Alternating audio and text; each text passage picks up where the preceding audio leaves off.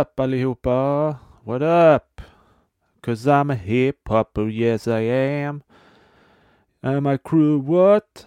Am I crew what? Nej, jag bara skojar lite. Välkomna tillbaka till ännu ett fullspäckat avsnitt med mig, Marcus Bergström. Vi har en eh, tidning framför oss, nämligen Smålandsbygdens tidning från 11 i 6 1940. Ni som har öronen och ögonbrynen med er märker att jag hoppar tillbaka några dagar i datumen här. Jag har nämligen eh, missat ett par, tre tidningar. Jag tror förra avsnittet var det 18 det sjätte och eh, tanken är ju att jag ska ta det, tidningarna i kronologisk ordning som mitt lilla ordningssinne kräver av mig. Eh, men, men, man är ingen robot som vissa företag och chefer kanske skulle ta och fatta någon gång.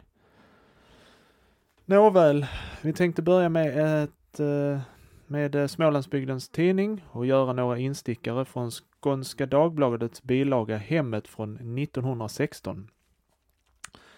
Och vidare i programmet så tar vi dagens dåtida rätt och hittar något smaskigt att tugga på.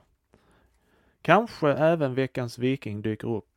Eh, tyvärr har inte kriterierna för, för detta uppfyllts på ett tag, så vi får se hur det går.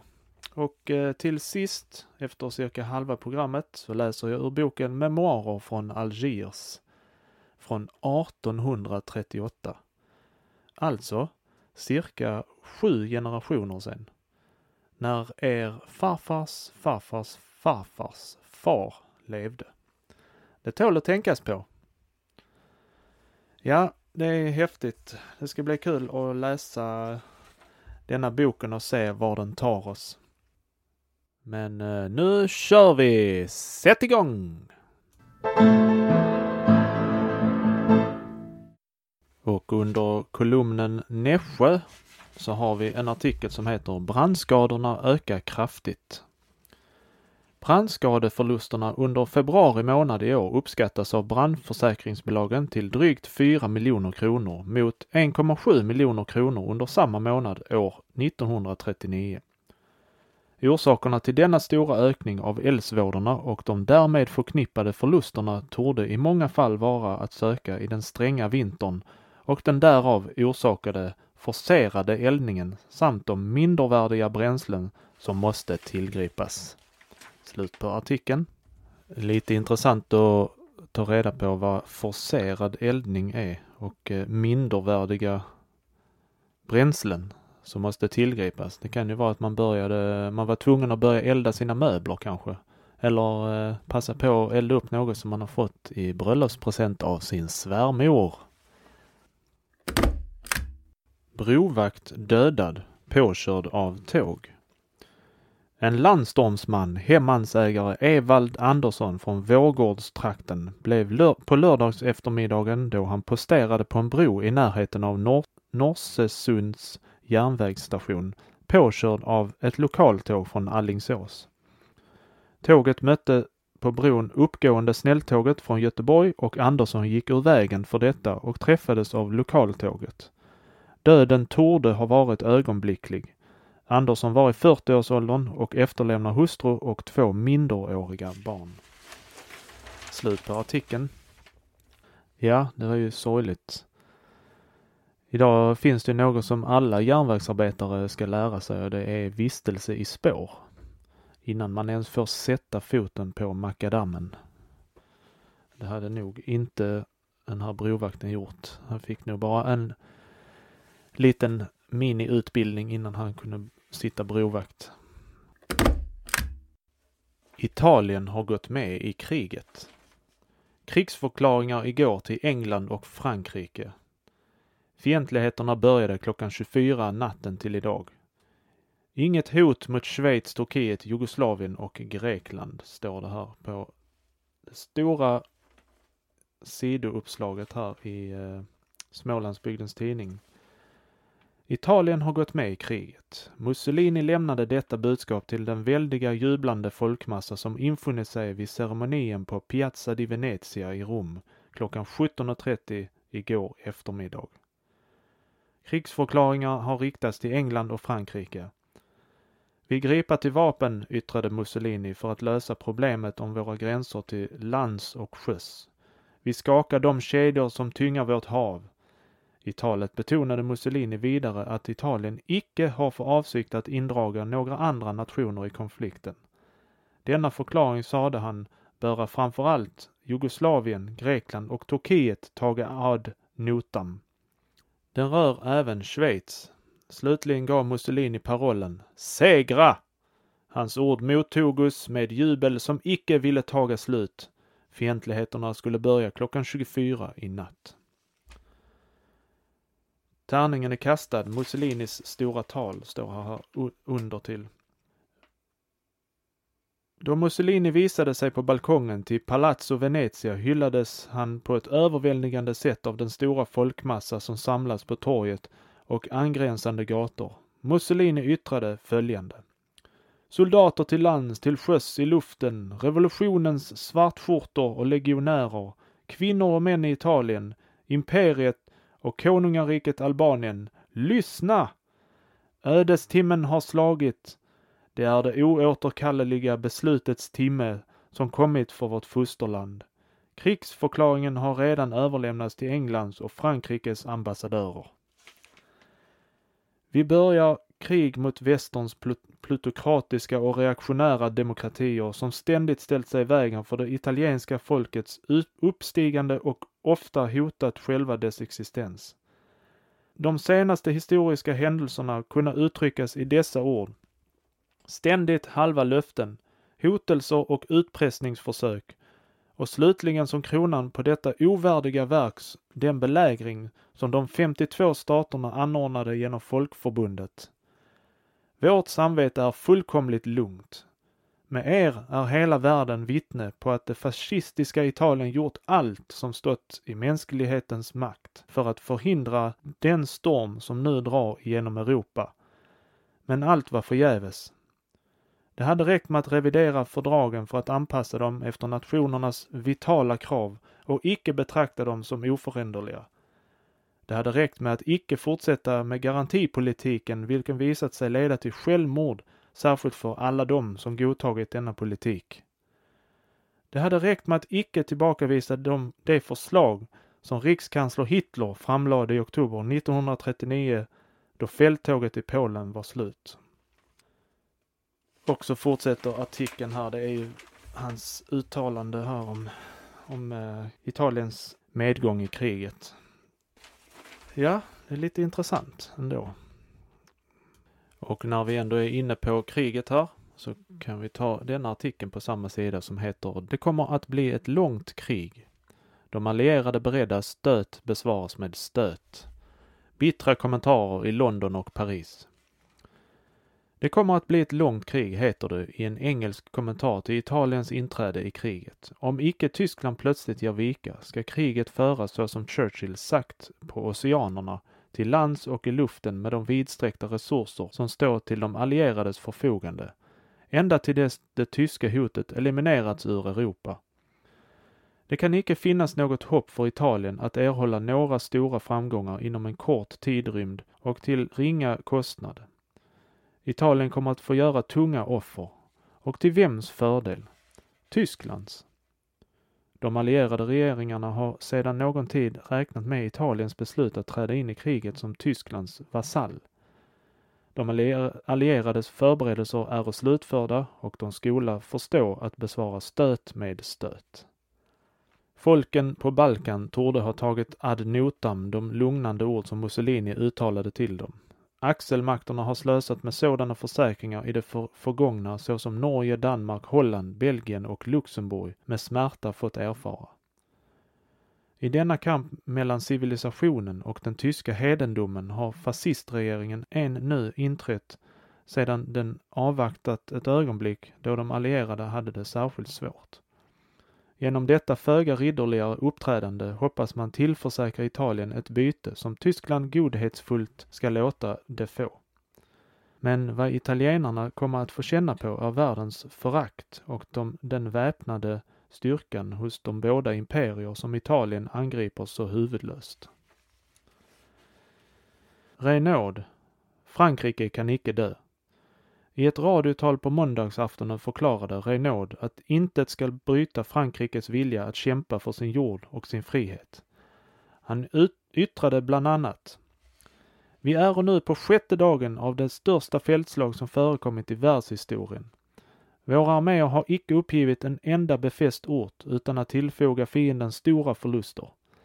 Det är detta ögonblick då Frankrike sårat men tappert, uppoffrande kämpar mot det tyska herraväldet för sitt eget och hela världens oberoende som Mussolini valt att förklara krig mot oss. Ni vet att jag och min företrädare upprepade gånger förklarat att det icke fanns någon, någon olöst fråga mellan oss och Italien som icke kunde regleras genom förhandlingar. De högsta moraliska auktoriteter i världen, påven och president Roosevelt, har upprepade gånger försökt hindra detta krig, men förgäves. Mussolini har beslutit att blod ska flyta. Vad var förevändningen för detta krig? Då klockan 4.30 i eftermiddag vår ambassadör Fran François Poncet riktade denna fråga till greve Ciano svarade denna att Mussolini endast uppfyllde de åtaganden han ingått gentemot Hitler. Fientligheterna skulle börja vid midnatt. midnatt. I Medelhavet är de allierade ännu starkare än annorstädes. Frankrike går in i detta krig med rent samvete. Frankrike kan icke dö. Då var det slut på artiklarna här. Ja, där fick vi en inblick i kriget än en gång.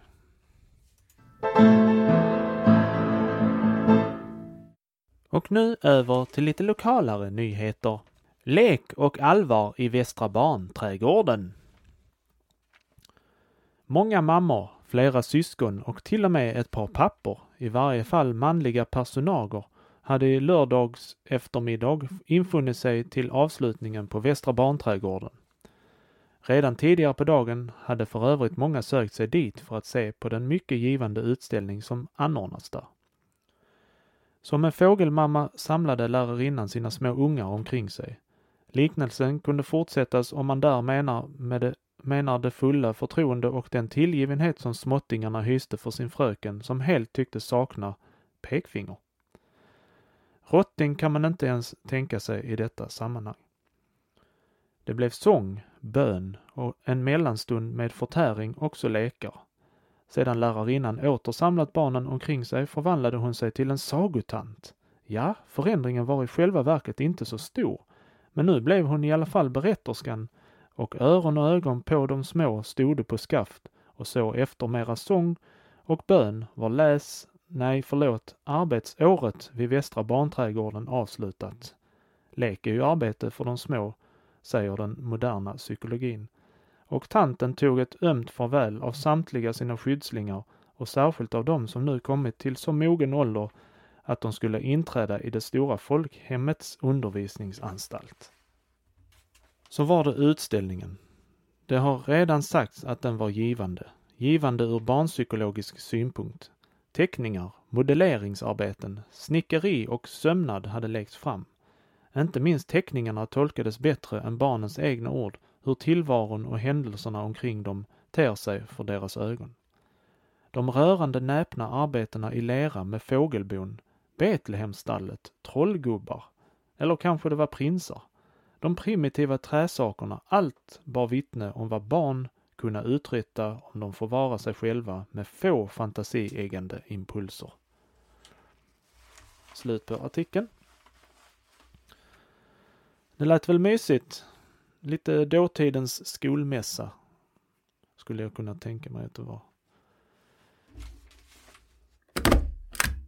Jönköpings stads SLU-avdelning höll i söndags sammanträde på Gorlis konditori under ordförandeskap av Josef Nilsson, Jönköping.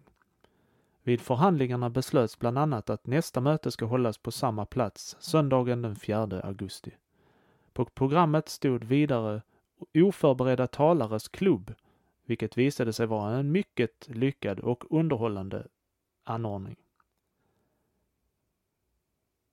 Det här är, det här, den här artikeln är, här hade jag varit, velat vara med på.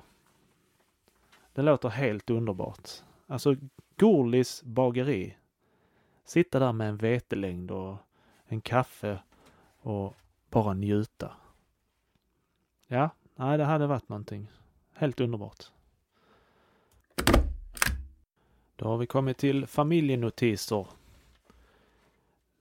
Läser vi en födelsedag och en hyllning.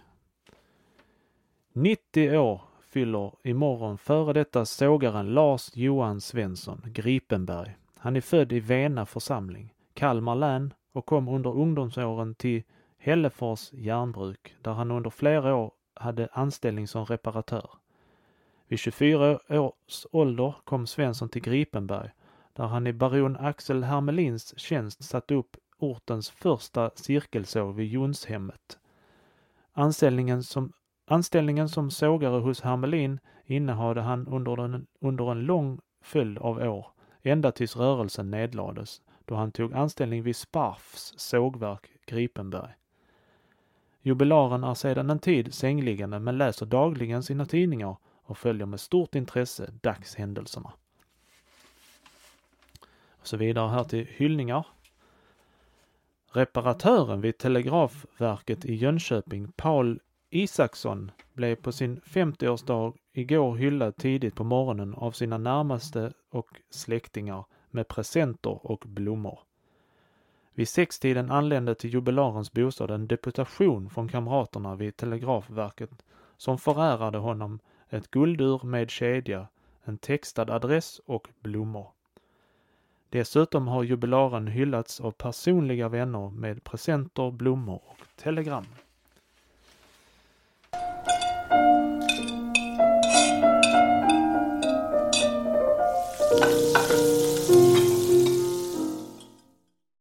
Och till dagens dåtida recept så har vi kommit till nummer 360. Skinklåda. Här snackar vi riktig knegar, riktigt knegarkäk. Och till vår knegarlåda, skinklåda, så ska vi ha 100 gram rökt skinka, tre ägg. Till formen ska vi ha en halv matsked smör och tre kaffekoppar mjölk och vitpeppar. Hur gör man detta då? Beredning. En omelettlåda smörjes med smör. Äggen vispas tillsammans med mjölken och litet peppar. Den i tärningar skurna skinkan tillsättes och blandningen hälles i lådan som sättes in i ugn och får stanna, stannar och får färg. På samma sätt tillagas även laxlåda, ansjovislåda, ostlåda, jordärtskockslåda eller låda med andra grönsaker. Det lät väl underbart. Och till denna underbara knegarrätt tycker jag vi bjuder in Mischa Billing för att ha någonting gott till maten. Välkommen in Mischa! Du hittade hit. Ja, det var lite svårt att hitta. Det var, jag fick ta bussen hit. Det var inte så mycket taxibilar här i Malmö. Nej, det är sant. Det kan vara lite svårt att, och hitta hit. Det är lite kringelikrokigt här där vi bor, i de här gatorna. Men vad kul att du kom. Vad har du att rekommendera till den här skinklådan som eh, det är därför vi har bjudit hit dig, för att du ska rekommendera någonting att dricka till skinklådan. Ja, först vill jag berätta om en härlig händelse som hände mig när jag var 24 år och mitt första jobb som sommelier på Operakällaren. Det var nämligen så att jag kom fram till ett par som satt och åt sin första middag tillsammans. Jag och mannen tittade på mig och sa Jag skulle gärna vilja ha någonting att dricka till maten. Då sa jag till honom, ja, jag kanske kan ta fram någonting ur källaren. Och hans fru tittade på honom och, undrade om vad, vad var det han pratade om? Var det liksom, varför ville han ha någonting att dricka? Och utan att protestera så gick jag ju ner i källaren och hämtade det här underbara vinet. Chateau Lafitte 1848 som har en underbar ton av friterade musslor, kära och hallon. Och till det här maten som de åt då, då förde man ju fram smakerna från otroliga blomkålspurén som de åt. Och då såg jag hur underbart de hade tillsammans efter detta. Och det kommer jag alltid ta med mig i mina dagar som sommelier och smaksättare. Okej, ja visst, det, det, det var ju en fin historia så, men just i denna skinklådan här som, eh, som, jag, som jag berättade här om, vad tycker du vi ska ta för något härligt? Det är ju en riktig knegarrätt. Vad ska vi ta för något härligt och bara svepa i munnen fram och tillbaka? Ja, på grund av att det är så underbara toner av sälta i skinklåda och även äggen som blir en sorts fluffig konsistens i gummen så tycker jag vi tar en Lavache La Cork 4385 på Systembolaget och låter den, den har ju toner av citron, även den hallon och lite underton och gräs och fat. Och det kan göra att den här sältan i munnen liksom snurrar runt som två tunnor i, i eh, Pippi Långstrump-filmen där när hon åker ner för havet och och i floden och Tommy och Annika följer med och undrar vad det har hänt med henne. Okej, okay, ja, det lät väl härligt. Det var en referens jag aldrig har hört förut, men det tror jag på. Ja men super eh, Mischa. Tack så jättemycket för att du ville komma hit och förklara hur vi skulle skölja ner det här, den här underbara knegarmiddagen med ett härligt vin. Tack så jättemycket. Ja, tack så mycket. Nu måste jag gå vidare här och åka tillbaka med bussen och eh, ta mig vidare uppåt landet för nu ska det bli nya avsnitt av Sveriges Mästerkock med mig och Leif Mannerström och Marcus Aujalay. Ha det så bra. Hej då. Hej då. Ha det bra. Mischa Billing, mina damer och herrar. Underbart att hon ville titta hit.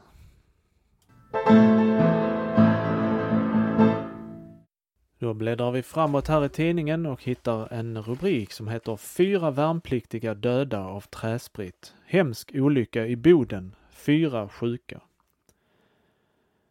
Natten till måndagen infördes till fästningssjukhuset i Boden fem värnpliktiga med tydliga förgiftningssymptom och fyra av dem kunde icke räddas till livet. Rörande utgången för den femte kan läkaren ännu icke uttala sig.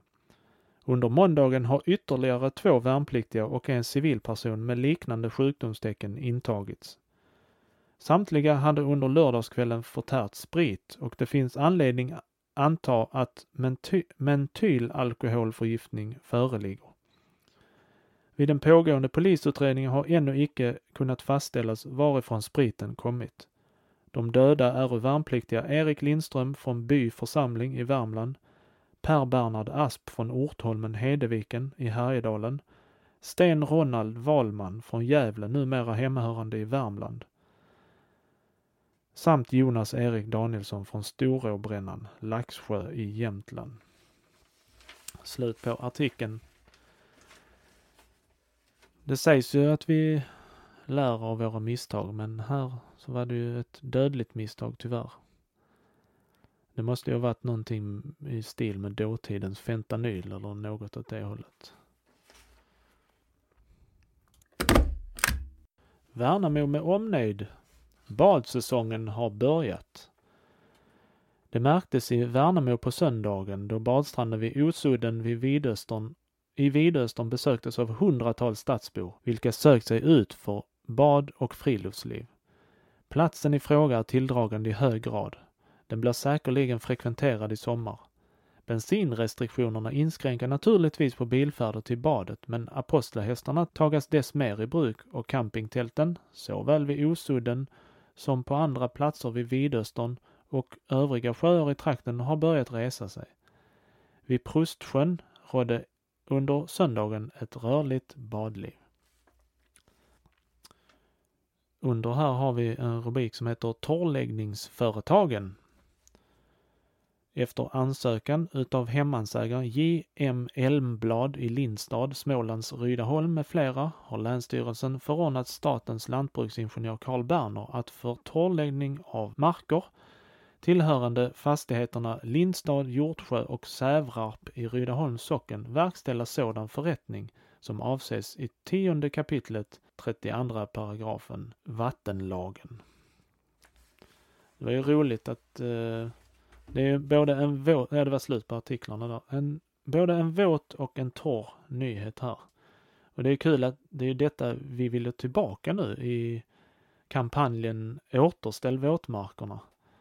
Som har blivit så kontroversiell med blockerade motorvägar och Jan Emanuel, ni vet Sveriges Liver King, som eh, slängde demonstranter i diket, som var med på tv där. Ja.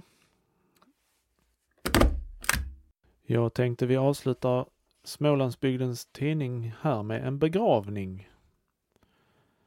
Begravning. Till den sista vilan vigdes i söndags och Fröderyds kyrkogård stoftet efter före hemmansägaren Jonas Hansson Esprilla Södergård. Efter en kort andakts, andaktsstund anträddes färden till kyrkan. Här förrättades jordfästningen av kyrkoherde Svensson, som i ett anförande minde om den bortgångnes livsgärning, varpå följde kransnedläggning och sång. Med Jonas Hansson bortgick en mycket originell person. Den bygd som sett honom födas blev också hemmet för honom under hela hans levnad. Han älskade sin hembygd och dess invånare högt och var för egen del nöjd med det lilla. Men rätt mot var man skulle det alltid vara. Det var Hansson noga med och träget arbete var han van vid. De sista dagarna då krafterna började svika måste han flytta från sin lilla stuga i Esprilla och inackordera sig i ålderdomshemmet i Ramkvilla. Där avled han också 85 år gammal. Då var det slut på Smålandsbygdens tidning. Jag tänkte vi skulle ta eh, läsa en artikel ifrån eh, Skånska Dagbladets bilaga Hemmet. Husmödrarnas visdomsbok. Tidningarna är efemära företeelser. Man läser dem, kastar bort dem, glömmer deras innehåll.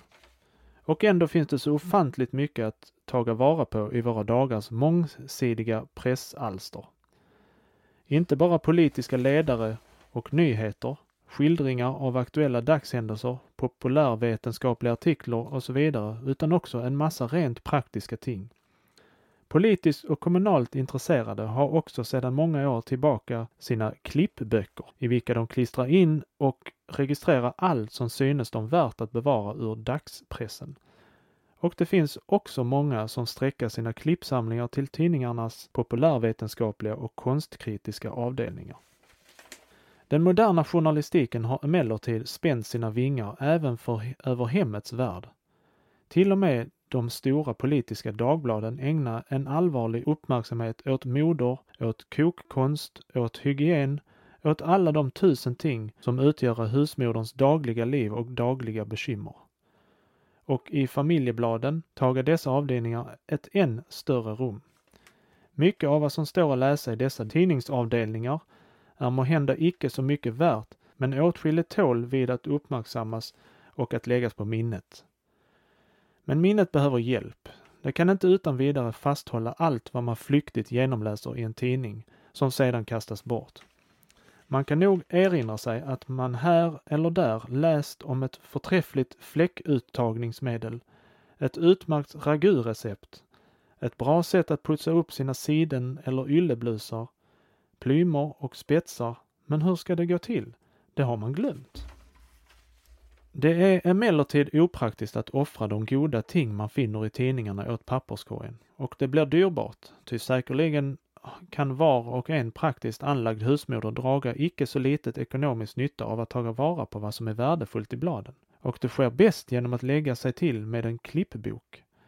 Det finns sådana i handeln i flera handa utstyrsel och med bekvämliga registeranordningar till ganska billigt pris. Än billigare kan man ju komma ifrån saken genom att själv häfta ihop sin klippbok. Naturligtvis behöver den icke bara bestå av tidningsurklipp.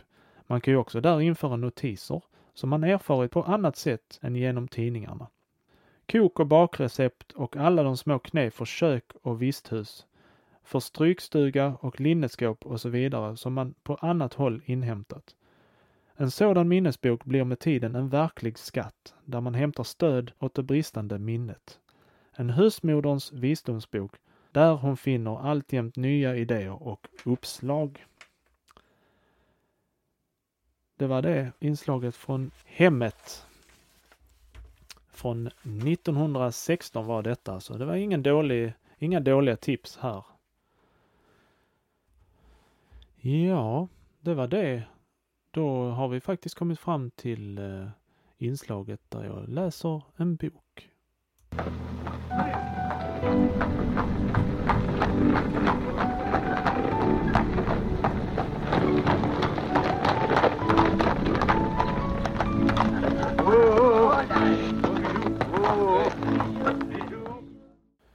Och idag fortsätter vi läsa från vår bok Memoarer från Alger eller En tysk students dagbok under fransysk tjänst av Herman H. Och förra kapitlet vi läste det var Citadellet hette det. Då hade han kommit till sin kasern och lärt känna några av sina roliga nya soldatkompisar. Nästa eh, kapitel heter Bytet då alldeles ingen tjänst nu var att göra så kunde jag hela dagen ostörd driva omkring om jag blott var tillstädes vid, det trefaldiga, vid den trefaldiga appell som en fransysk officer morgon, middag och afton gjorde. Istället att nu, efter vad jag sett av legionen, skyndsamt bryta upp och skilja mig därifrån, skyndade jag till staden för att hos någon klädjude, varpå Strasbourg ej har någon brist, se mig om efter en uniform. Jag blev av en av dessa gynnare, vilken med filosofisk skarpblick tycktes hava märkt min avsikt, tilltalad på gatan och inbjuden att följa honom i dess magasin. Han förde mig genom en mängd kors och bigator in i en mörk smutsig cul-de-sac och upp i femte eller sjätte våningen av, en av ett hus, där det såg så mörkt och hemskt ut att jag började ordentligen bli rädd att hava fallit i en mördarhåla. Här lämnade mig skackraren att välja antingen att jag ville inrullera mig vid artilleri, kavalleri eller infanteri såsom officer, underofficer eller gemen. Ty där funnits munderingar av alla vapen och grader hängande på väggarna. Sedan jag hållit mönstring och på flera frågat priset, vilket naturligtvis uppgavs så högt att man därför kunde erhålla en ny, valde jag äntligen en som mig då tycktes ännu tämligen ny fransysk kanonieruniform, vilken som juden försäkrade mig en sergeantmajor blott ett par gånger burit innan han blev officer. Jag slumpade alltså bort min ännu rätt goda klädning av fint kläde mot en blå kanoniersfrack, vilken om få dagar föll i stycken, och ett par dito byxor vilka redan dagen därpå måste lappas, och bekom med mycken möda och efter långa underhandlingar ty juden ville i början även hava mellangift därpå, en femlivers sedel. Men jag tillstår det jag fruktade för mycket för mitt liv för att ej gå in på allt varigenom jag kunde hoppas att komma helskinnad ut därifrån. Ratatul. Så vände jag då, lika ny Gilblas från Sautilaua tillbaka till min kasern och sov där för första gången och lyckligtvis då antalet av salens invånare av en händelse var ojämnt, ensam i min säng, annars sova alltid två tillsammans. Morgonen därpå ville jag genast springa till staden för att i min nya gestalt visa mig för mina bekanta. Men hur stor blev min förundran då vakten vid porten nu nekade att släppa mig ut. Jag upplyste snart det jag dagen förut endast haft min civildräkt att tacka för det jag kunnat med frihet passera ut och in. Men nu igenkände man mig, i trots av min fransyska uniform, vid vilken de övriga attributerna av en kanonjärssergeant dock felades, som en främlingslegionens värvad. Hittills hade nämligen blott förut rymda militärer blivit värvade och vem som var soldatklädd utan att bära de fransyska regementernas utmärkelsetecken gällde för legionär på vilken det försiktigtvis utfärdade förbudet La Consigne att lämna citadellet funne sin tillämpning. Så fanns då icke mera för mig någon möjlighet att få säga farväl åt mina bekanta i Strasbourg. Jag var fästningsfånge. Till att fördriva ledsnaden roade jag mig nu hela dagen med att spatsera omkring i fästningen och åse artilleriets exercis. Även begav jag mig i köket där jag såg en osnygg kar på ett ännu osnyggare bräde, vilket låg på släta fuktiga marken, sönderstyckta med matematisk noggrannhet i en bestämt antal portioner fördela köttet, vilket han grep uti med både händer och naglar. Redan vid blotta anblicken av detta slags matbered, matredning blev jag så mätt att jag genast gav min portion till spillo och hade lika lite lust att äta av soppan som blev färdig omkring klockan tio. Och där i ett hav av kokat vatten några få, ehuru fem tum långa och en fem tum tjocka brödskivor jämte några oskurna potatisar och morötter summo omkring. Då man dessutom sagt mig det middagen vore bättre så infann jag mig precis klockan fyra ut i rummet för att åtminstone taga del däri. Knappt hade jag några ögonblick varit där under vilka dock flera kunskapare skiftevis sprungit att rekognosera i köket så uppslogs plötsligen och på en gång dörren på vid gavel och med ett förskräckligt skri. Rattatul! Rattatul! hälsade alla den ädla rätten som inbars av tre eller fyra man och gripande hastigt i sina fickor efter sina skedar kastade de sig likt glupande vargar över den lika så heta som hett efterlängtade Ratatouille. En av kamraterna, vilken ägde tvenne skedar i sin ficka, erbjöd mig, som ännu ej försett mig med detta viktiga instrument, en av sina och jag intog min plats vid ett av faten, där, som det hette, ännu en man fältes. Detta var lyckligtvis det som fått sitt rum på bordet, det enda i rummet. Ett annat av faten blev placerat på den likaledes enda bänken och ett tredje måste sättas på golvet, kring vilket genast sex man i andäktig iver knäböjde. Mitt var såsom det största beräknat för åtta magar, de andra räknade fem till sju, allt efter deras kubikinnehåll. Stilla, med framsträckta armar väntade alla till dess var och en blivit färdig till angrepp och på given signal körde vi alla på en gång ner i fatet och förde den kostliga laddningen i avmätt takt till munnen. Men för min del försökte jag förgäves att få ner en sked full av den däri innehållna deg eller gröt som fransmännen kallar la ratatouille. Ty i början var, det, var den så het att jag därför förbrände tungan och då den icke mer var het var fatet läns. Kamraten Efter denna middagsmåltid varvid jag, likt Zeus, låtit mig nöja med fettångan var jag just i begrepp att gå ut för att på en restauration hämta mig en annan. Ty jag hade redan bittida på morgonen hunnit bli ordentligt hungrig. Då dörren uppgick och, liksom vid min ankomst, ropet skallade. Se där, åter en. Efter det vi växlat några ord igenkände jag i denna nya ankomlingsperson till min tröst en ung man av en bildad familj från Saxen, vilken är huru ännu yngre än jag i följd av olyckliga familjeförhållanden, vilka framdeles, då han anförtrodde mig dem, väckte mitt hela deltagande, drivits bort från hemmet och blivit kastad hit. Även honom hade generalen lovat att han såsom sergeant skulle åtfölja fördelningen och därefter befordras till officer. Även han hade redan och av samma grund som jag utbytt sin civildräkt mot en ljusblå uniform.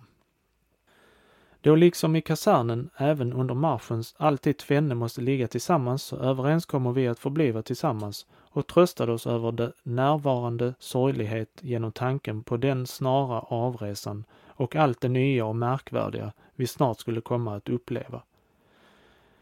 Jag förklarar öppet det denne samvetsgranne och härlige yngling till största delen var orsaken, varför jag icke redan då försökte en desertion, vilken jag skulle varit mig ganska lätt och säkerligen ganska förlåtlig. Kan hända skulle den i trots av allt hans avrådande ändock hava skett, om icke redan efter tvenne dagars förlopp, vilka tillförde vår korps betydliga förstärkningar ur den bayerska arméns leder, befallningen hade kommit om uppbrott. Avmarschen Om morgonen den efterlängtade dagen sedan man till dem, vilka icke mera ägde någonting på fötterna, gjorde utdelning av strumpor och skor, inställde sig en fransk officer med tvenne sergeanter och fyra korporaler av ett linjärregemente, alla beväpnade och förklarade oss på fransyska det han hade befallning att föra oss vidare in i det inre av Frankrike, att han hoppades det vi under vägen dit skulle genom ett gott uppförande göra heder åt det tyska namnet och vår nya korps.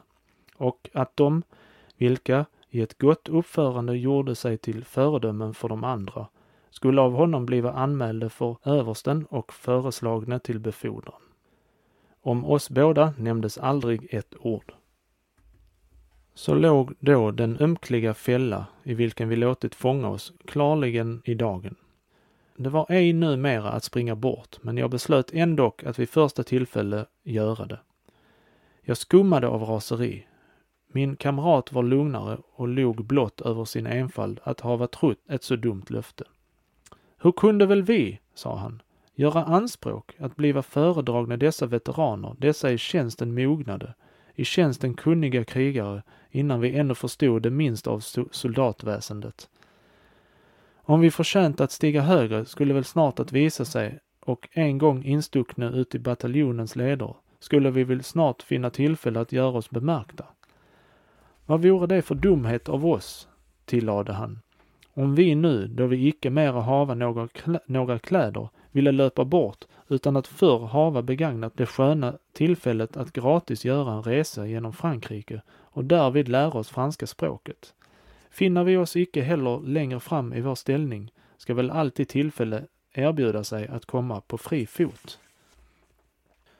Sådana vore de uppmuntringar och föreställningar min alltid glättigare kamrat ställde till mig under det vi genom Strasbourgs förstäder på för mig obekanta och jag tror, för att så mycket som möjligt vara var undan strasburgarens ögon draga vår brokiga korps med flit valda omvägar, utmarscherade åt andra sidan av staden.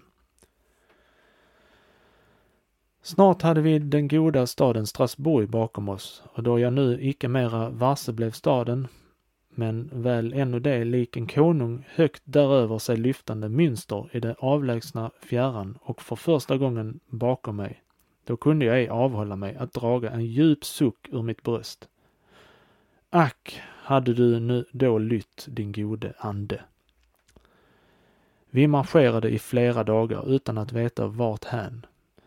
Även de medföljande underofficerarna, vilka antingen ej själva visste det eller icke torde säga det, kunde ej giva oss någon upplysning över målet för vårt tåg.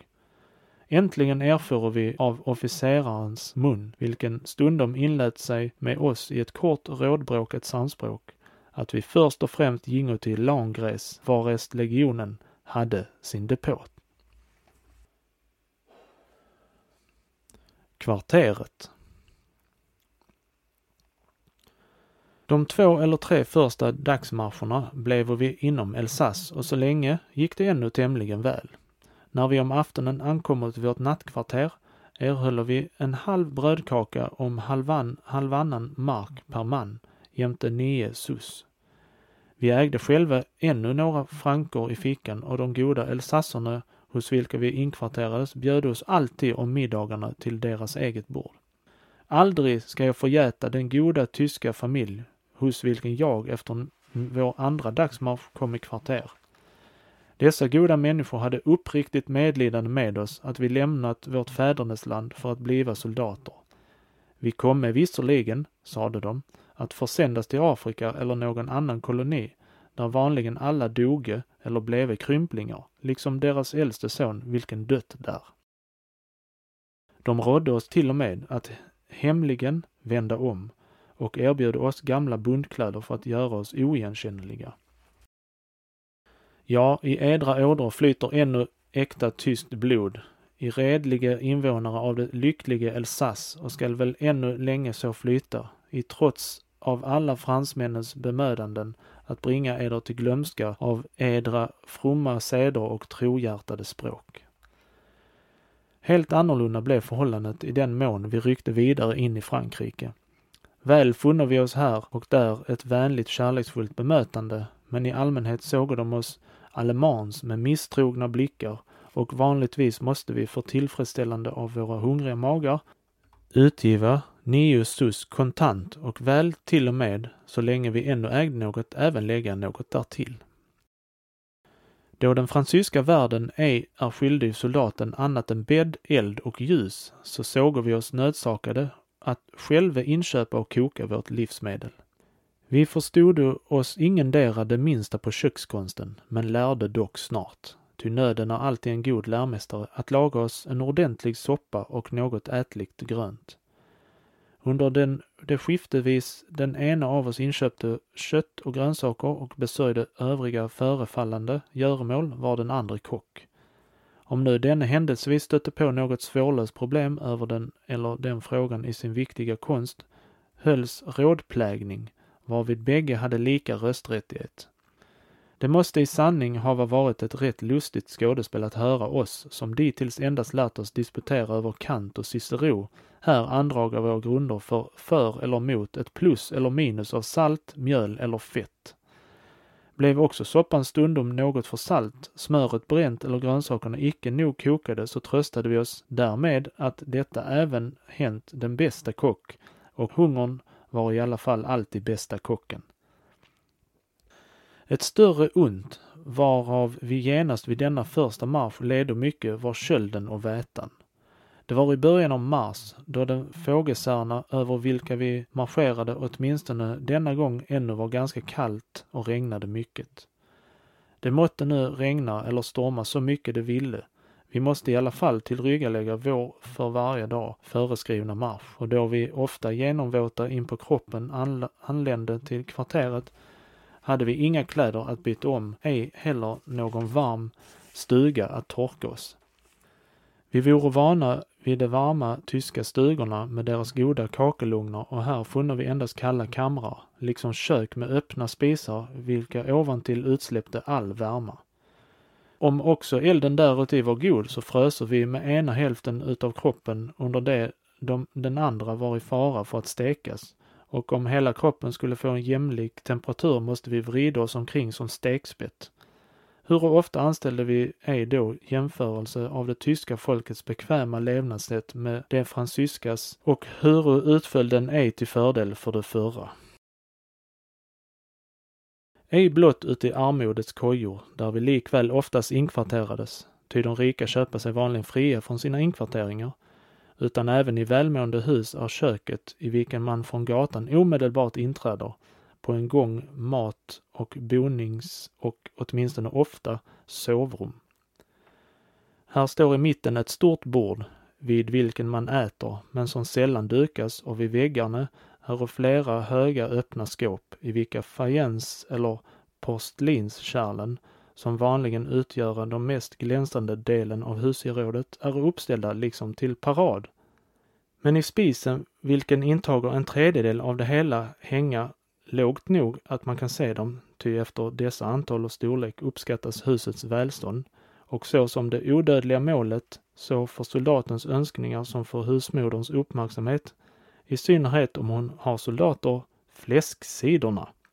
Nattlägren vore på denna marsch överhuvud i alla trakter av den nordliga eller mellersta Frankrike genom vilka jag färdades ännu goda, oftast breda, tjocka dunbäddar eller tjocka dubbla täcken med madrasser, överhängda av höga tronhimlar. Tämligen snygga lakan och föga av extra befolkning. Även de fattigaste vore måne om ett ordentligt nattläger för oss och jag ska aldrig glömma de två stackars gamla människorna som kort därefter i en by i Burgund ville inrymma åt oss sin egen bädd, den enda de hade, och bädda sig själva på halm. Vi ville naturligtvis dock ej tillåta detta och låg själva på halmen. Då jag jämför det mottagande soldaten finner på sin marsch i Frankrike med det i Tyskland så kan jag på, för erbarmligheten av det förra, vilken blott genom de skönas förekommande artighet i någon mån ersättes, endast finna en ursäkt i de många marscherna, vilka vi vid de täta växlingarna av garnisoner göras i alla riktningar och i det stora armod som jag i allmänhet fann bland de lägre folkklasserna. Men hårt nog gick det mig innan jag vande mig vid de försakelser en soldat särdeles en främmande på en marsch genom Frankrike måste underkasta sig. Och jag kunde väl med Berchou klaga. Force d'abandonner le banquet paternel. Je cherchais mon salut dans ce rang militaire. Formé par la misère et pour très volontaire, je me charge d'un sac humblé dépositaire de tout ce qui devait me rester sur la terre. À un nouveau bien, je partis accessible. Du poids de tout, mon bien sur mon don rassemble.